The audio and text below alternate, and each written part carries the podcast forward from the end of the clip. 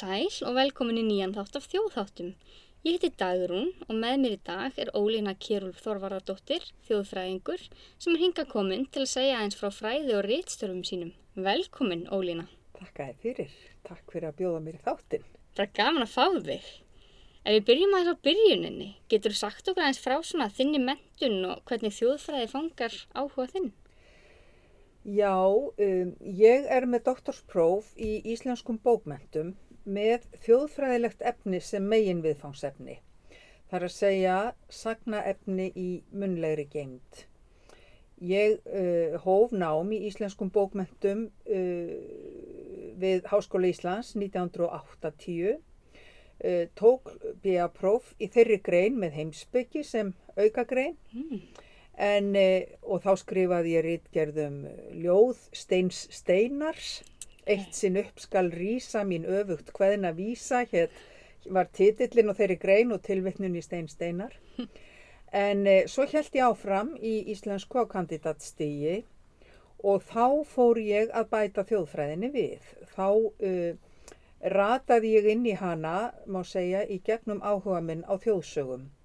Og það var nú Jón Hnefill Aðarsteinsson sem að aðalega vakti áhuga minn á því efni sem að eh, varð svo til þess að magisters rítgerðin mín, hún fjallaði einmitt um galdrasögur í munlegri geimt Mm.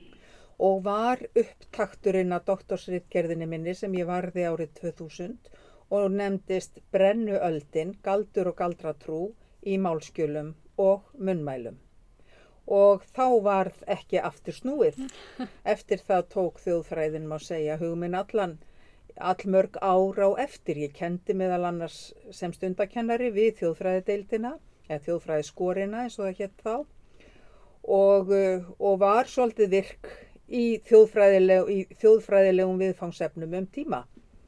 En það hefur nú slaknað á því kannski aðeins setna ár. Já, nú, Nema í bland við annað, skulum við segja. já. Já, hún náttúrulega fléttast vel saman við svona hitt og þetta. já hún gerir það nefnilega.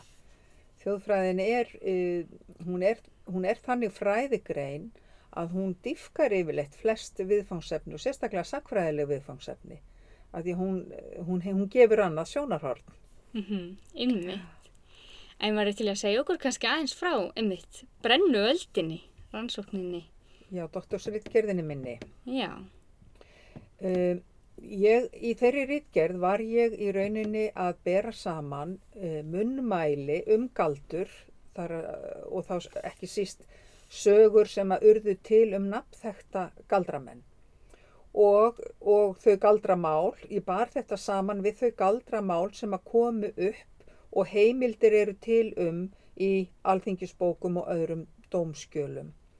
Því að ég áttaði mig á því að eh, sumir þeirra galdramanna sem að þjóðsögurnar urðu til um uh, voru menn sem að, eða fólk sem hafði í raun og veru uh, staðið frammi fyrir dómurum og lent í galdramálum. Páll Oddsson, Galdramanga, Galdraleifi, Galdraimba og fleiri og fleiri. Og við langaði þess vegna til að sjá hvernig dómskjölinn færu með þetta fólk og bera það svo saman við sagnageimdina. Og ég komst nú meðal annars að því að sagnageimdin, uh, hún, hún getur farið vel með menn, Uh, hún gerði til dæmis prestana að mjög miklum kraftaskáldum og ákvæðaskáldum og það var greinilegt að ef prestlærðir menn voru orðaðir við galdur að þá var það þeim til virðingar auka. En þegar um var að ræða kannski óbreytt alþýðu fólk, þá var annað upp á teningnum og þá fór sagnageimdin oft verð með fólk heldur en dómskjölinn gera. Og eitt skýrasta dæmið um það er Galdramanga, Margret Þórðardóttir, sem að eh, samkvæmt þjóðsögunni var bæði ílskeitt og, og, og, og mögnuð galdrakona og þjóðsagan segir að hún hafi að endingu verið tekinn, eh, belgur dregin á höfuðennar og henni dregt í innri skars, skarsá á Snæfjallaströnd. Þegar sannleikurinn er sá að Manga lifði langa æfi og uh, hún var í manntalinu 1703 þá búsett á Lónseyri við Kaldalón á samt sinni sínum Þórði.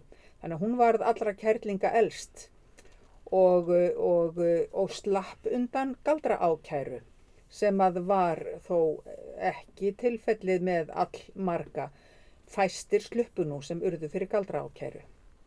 Þannig í þjóðsónum er sannarlega ekki sama hvort það er Jón eða Sýra Jón sem að... Aldeilis ekki orðsins fylstu merkingu þá, hérna, þá kemur svo málsáttur fram, má segja. Já. En það var gaman auðvitað og aðtiklisvert að skoða þetta tímabil því að uh, þessi galdramál sem komu upp á 17. öld, þau eru vittnisspurður um mjög harðneskjulegan tíðaranda á þessum tíma þegar það leit út fyrir að máttarvöldin bæði andleg og veraldleg saminuðust um að, að knúsa fólk niður má segja og uh, þessi mál, dóm, dómskjölin í galdramálum sína mjög vel refsihörku yfirvaldana gagvart í fólki sem var grunað um þessa yðju og, uh, og þó er galdra yðjan má segja jafn gömul íslenskri menningu. Þetta er svo nátengt trúarbröðum og, og, og trúarháttum, þessi, þessi viðleikni til að reyna að hafa áhrif á lífsitt og umhverfi. Það kom til dæmis, kemur í ljósa lang flestir sem að voru grunaður um galdur, voru að reyna að lækna fólk mm. og voru með svona varnar og heitlaráð en ekki þá viðleikni að valda öðrum miska. En, en ásakanarnir hins vegar hljóðuð alltaf upp á það alveg sama hver til eða fannst galdrablað hjá einhverjum að þá hljóðaði ásökunin alltaf upp á það að hafa valdið, skeppnu dauða eða veikindum fólks. Það var nú voru algengustu umkvörtunar efnin.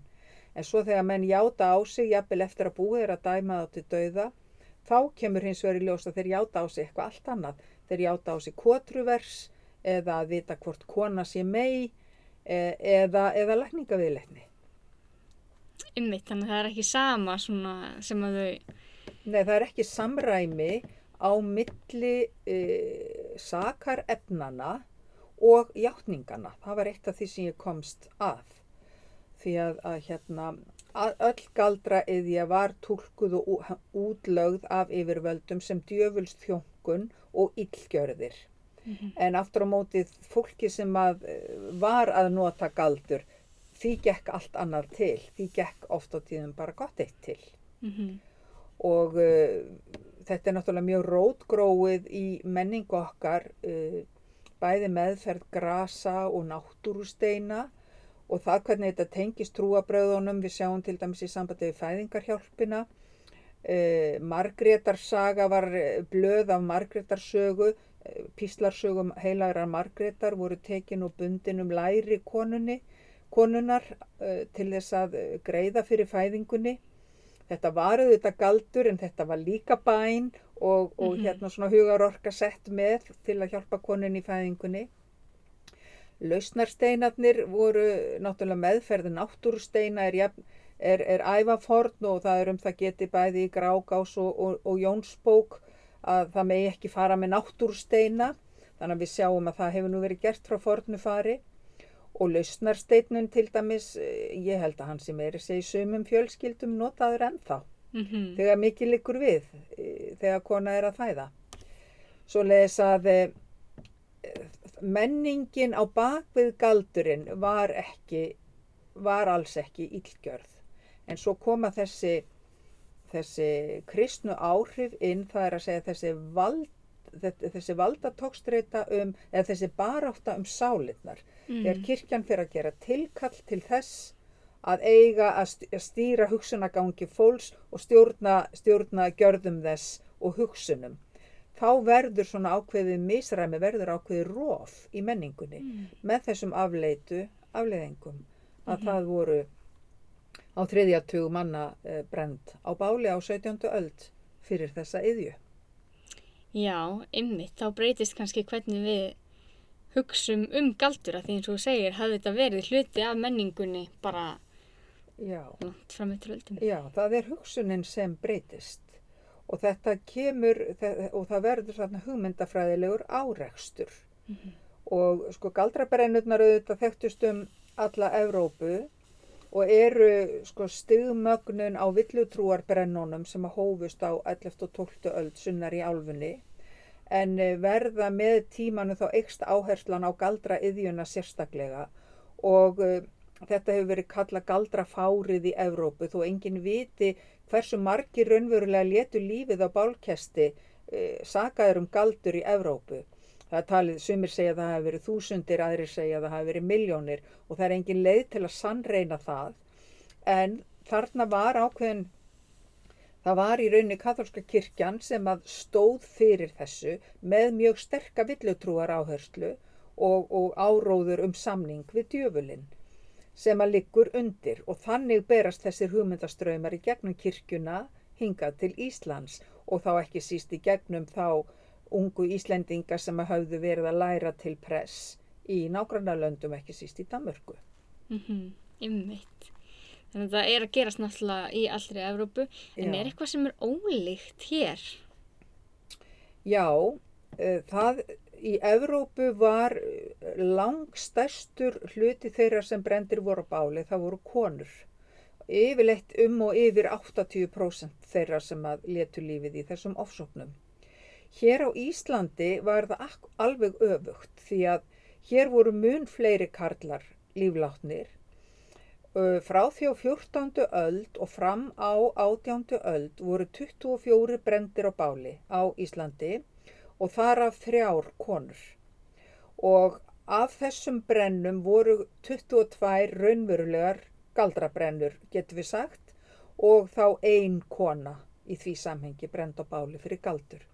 En þetta hlutfall er mjög sérkennandi fyrir Ísland.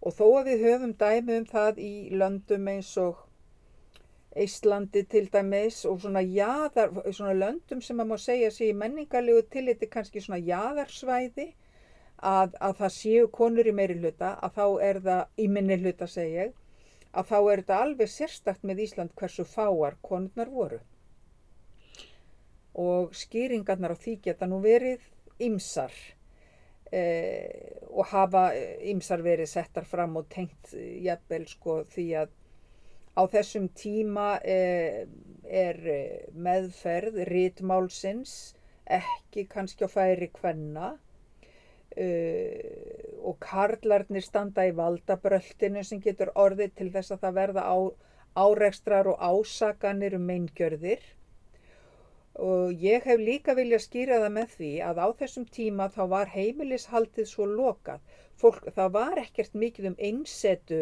fólk eins og viða í Evrópu þar sem einsetu konunnar urðu mjög ákjósanleg fórnalömm galdraáfsókna. Mm. En hér á Íslandi var það ekkert þannig. Konur voru nær undantekningalaust hluti af heimilishaldi og fólk var innan fjögur að vekja heimilisins.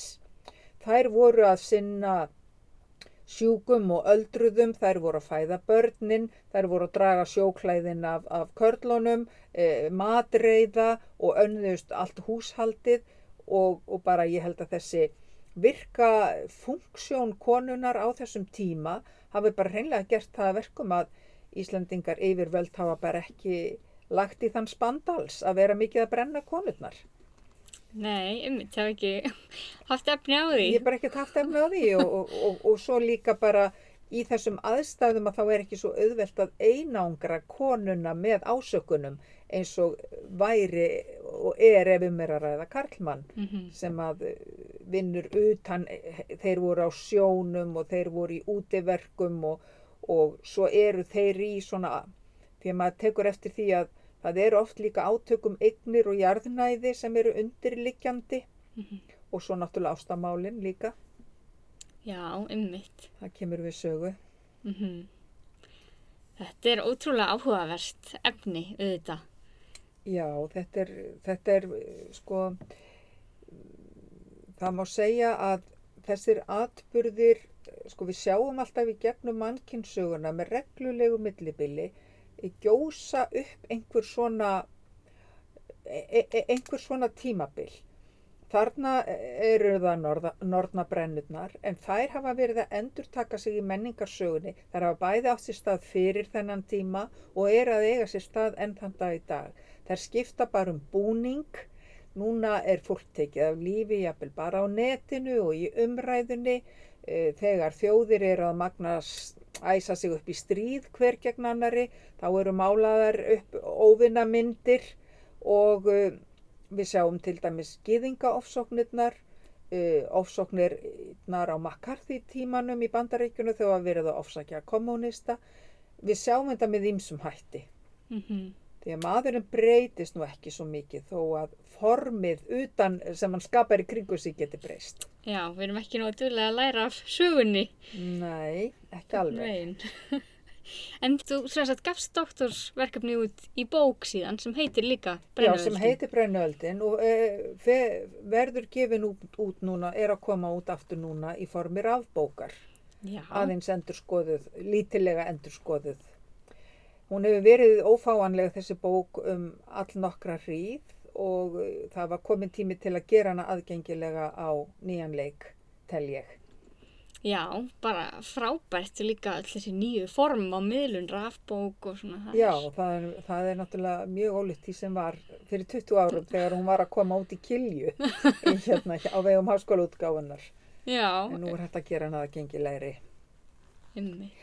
Sem er frábært og þú hefur náttúrulega verið að gefa út bækur í gegnum tíðina. Já, ég hef sinnt rittstörfum síðustu ár og ég, ég byrjaði nú, það er allt langt síðan ég byrjaði nú að fást fyrir rittstörf.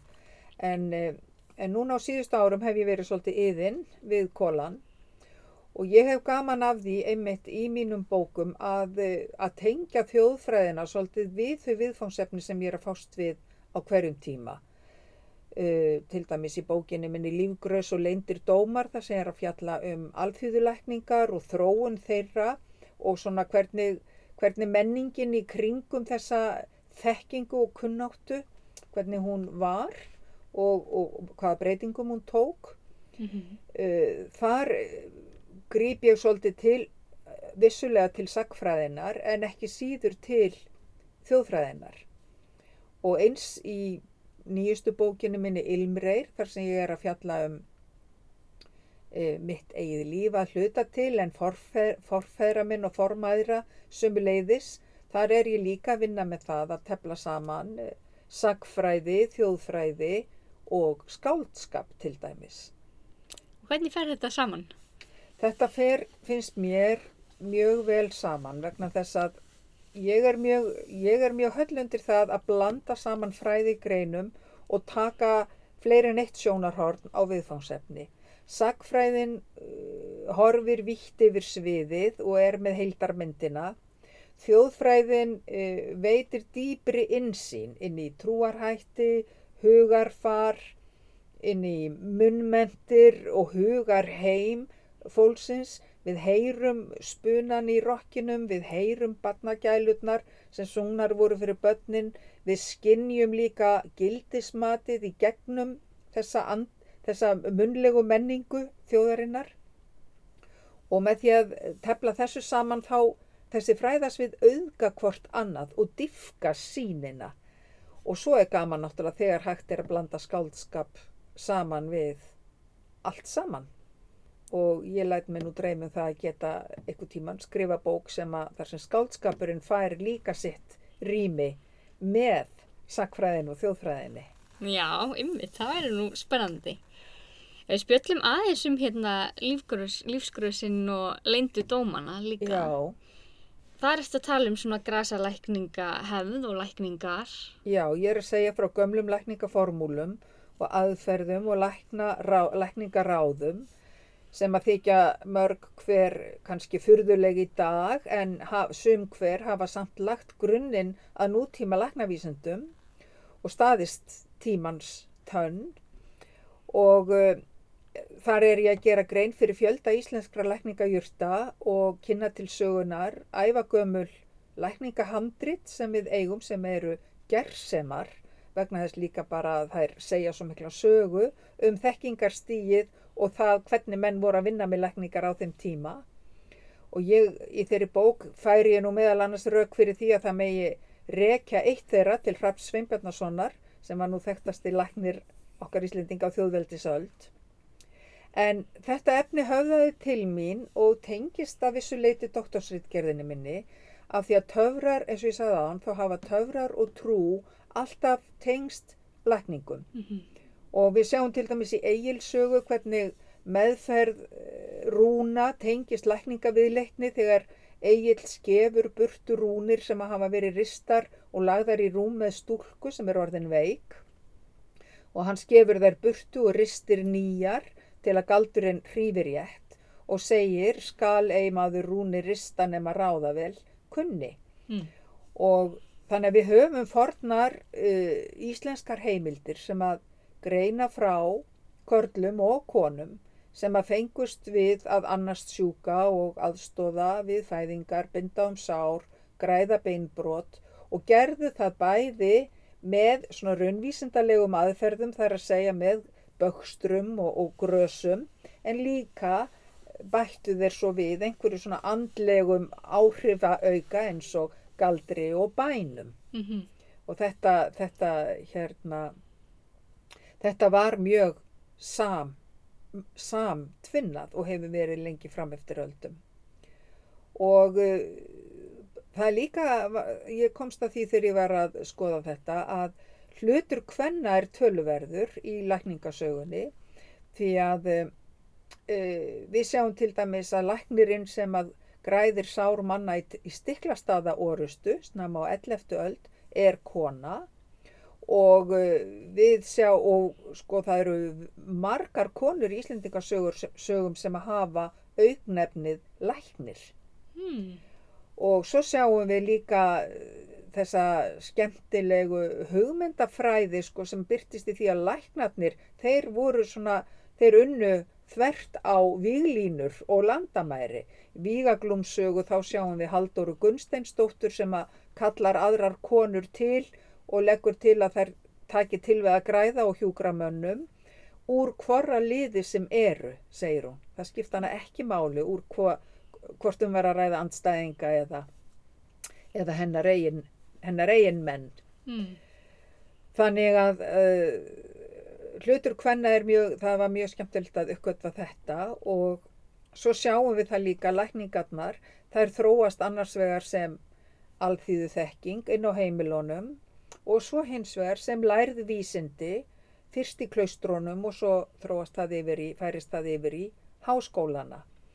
En það er alltaf, alltaf þessi sko heimilisbragur lengi fram eftir sem tengist lækningunum og er sannilega ástæðan fyrir því að konurnar eru svona uh, nátengdar þessari yðju því að þetta er náttúrulega, þær fóru með þær fóru með hérna matseldina og meðferð drikja og þær önnuðust sjúka Mhm. og veika og þannig að þetta, fél, þetta kom veru, að verulegu leiti í fjalli þeirra hlut að sjá um þetta.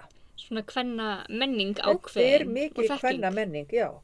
Þanga til síðan að skólanir koma til sögunar og sko autoritetið, krafan um að hafa boðvaldið eða þekkingarvaldið.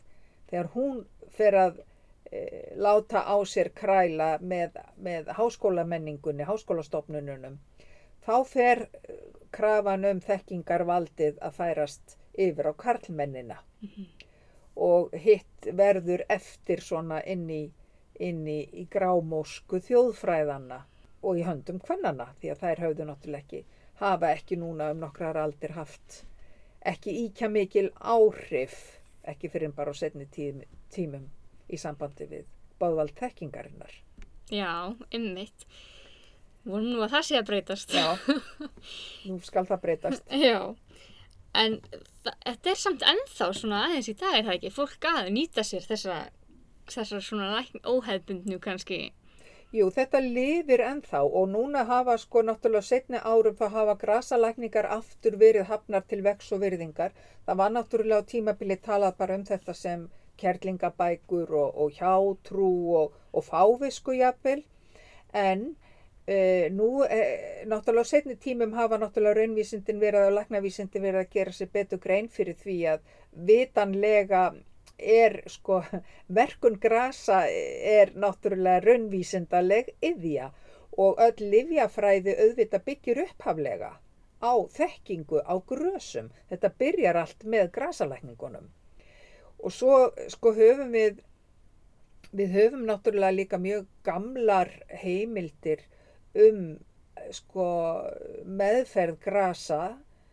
Við sjáum til dæmis bara í goðafræðinni mennglöð, hinn Sólbjarta sem kölluð var. Hún hafðist við Olivjabjergi með megjum sínum og uh, við sjáum sko að livjagerð og livjagjafir eru, þetta, þetta er náttúrulega bara fyrsta form lækninga og uh, svo sko uh, er það líka svolítill miskilningur að, um, að grasa þekking, jafnvel þó hafi verið talað um hana sem hjátrú og kettlingabækur, að sko þá var hún mjög rík, meðferð grasa var mjög ríku liður í bara heimilishaldi og menningu uh, bara á síðustu og þar síðustu öld.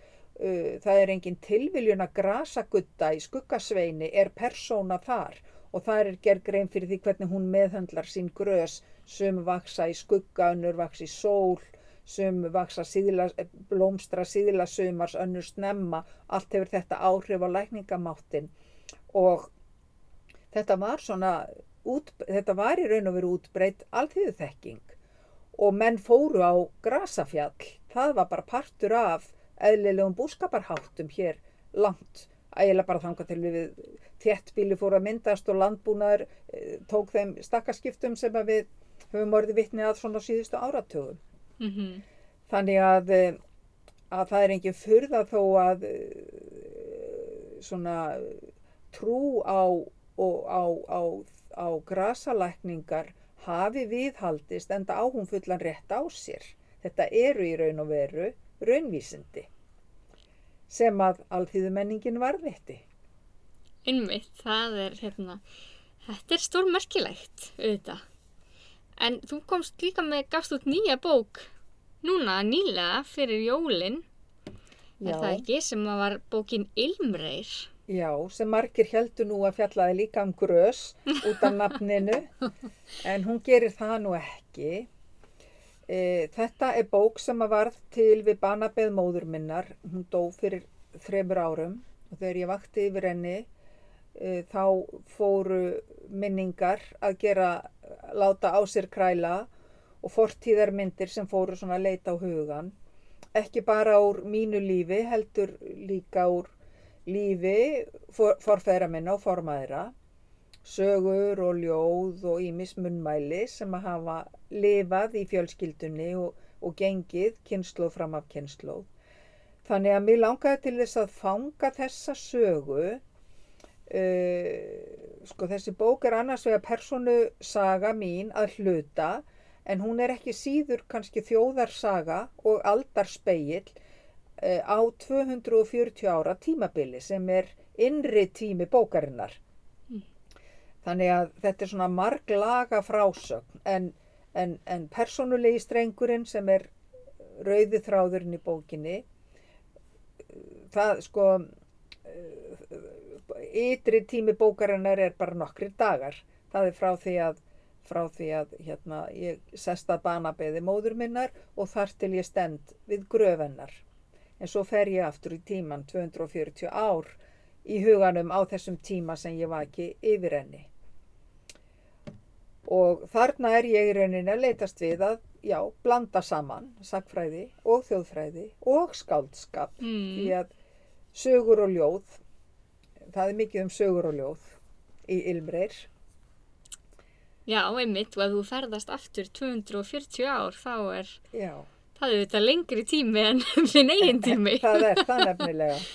Og, og þannig að ég er bæði náttúrulega þarna að opna á ákveðna sögu, en svo er ég líka að opna inn í hjartahólfið og, og skoða svona ég náttúrulega er sjálf framhald af þessu fólki. Ég lít svo á að ég sé bara já, framhald af einhverju genakeðju og líka af einhverju reynslukeðju. Mm -hmm. og, og með því að skoða þarna líf og lífsbaráttu forfæra minna og hvað til dæmis konurnar í fjölskyldunni gengu í gegnum kynnslóð fram af kynnslóð. Það voru svig, það, var, það voru ástarsorgir, það voru barneignir utan og innan hjónabands, það var barnamissir, uh, það var ímislegt sem að snertir uh, hjartað Mhm. og, uh, og ég trúi því allt sé þetta eitthvað þrykk í, í tilveru þeirra sem þeirna fæðast. Þannig að mér fannst mjög aðtiklisert að skoða sérstaklega kvennasöguna í fjölskyldunni Já. og setja sjálfa mig í samhengi við hana. Og er svona kvennlegt sjónarhóttni eins og kannski, við vorum að tala um lífskurðu sín aðan, þar sem þetta er svona kvenna menning, myndur þú segja að þetta væri uh, feminísk bók eða þannig?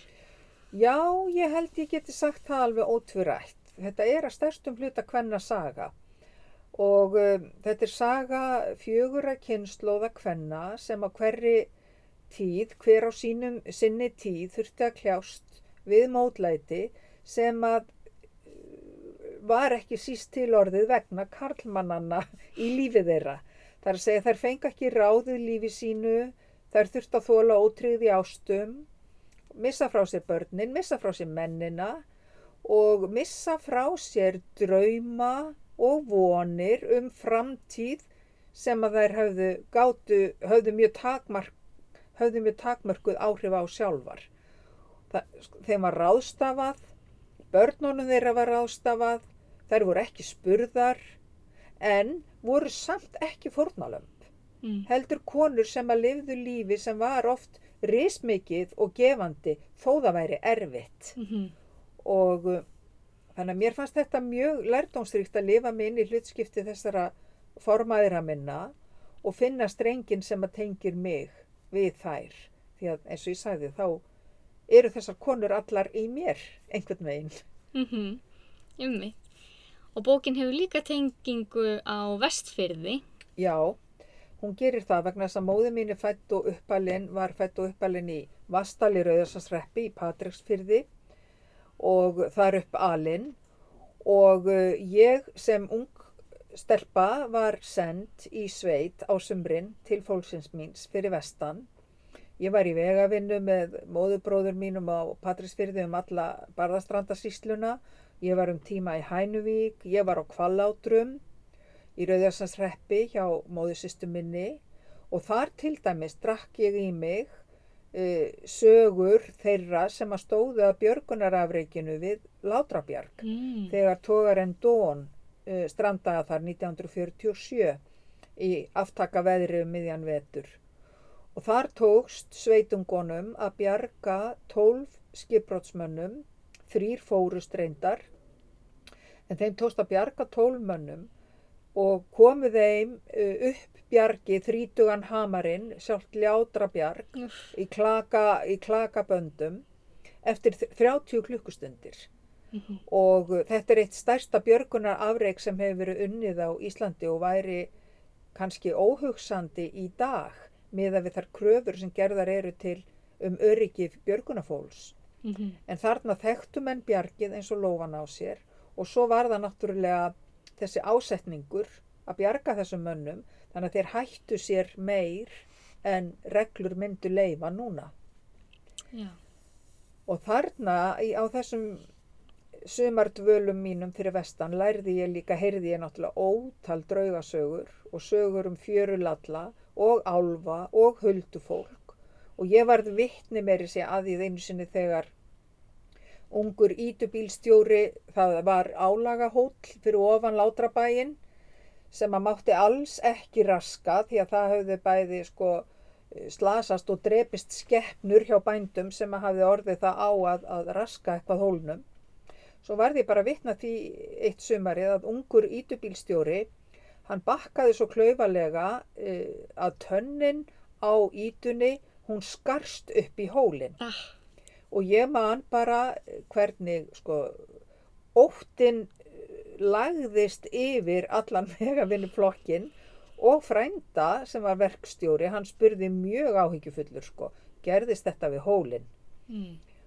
Og svo leið nú dagurinn en um kvöldið þegar eh, strákurinn er að koma heim í bækistöð á ítunni, drepur hann á ítunni og vippar sér léttilega út úr henni eins og hann vanur að stökkva til jarðar en nú vildi ekki betur til en svo að hann sem sagt, honum fataðist eitthvað stökkið, lendi með báða hælana á beltinu á ítunni og fjall sár þjáður til jarðar þurfti að að fara með hann sem sagt, á sjúkrahúsið á Patrísfyrði og það kom upp úr kafinu, hann var hælbrotin á báðum fótum. En eins og það var nú slísarvið, þá er ég nú ekki frá því að mönnum hafi nú eiginlega stórlega létt yfir því að það skildi þú ekki hljótast afneitt verra því Já. menn trúðu því náttúrulega að þetta stæði sambandi við raskið á álagahólnum. Já, auðvitað, tengir þetta saman. Já, Það er alveg. En hvernig er að skrifa svona persónulega bók?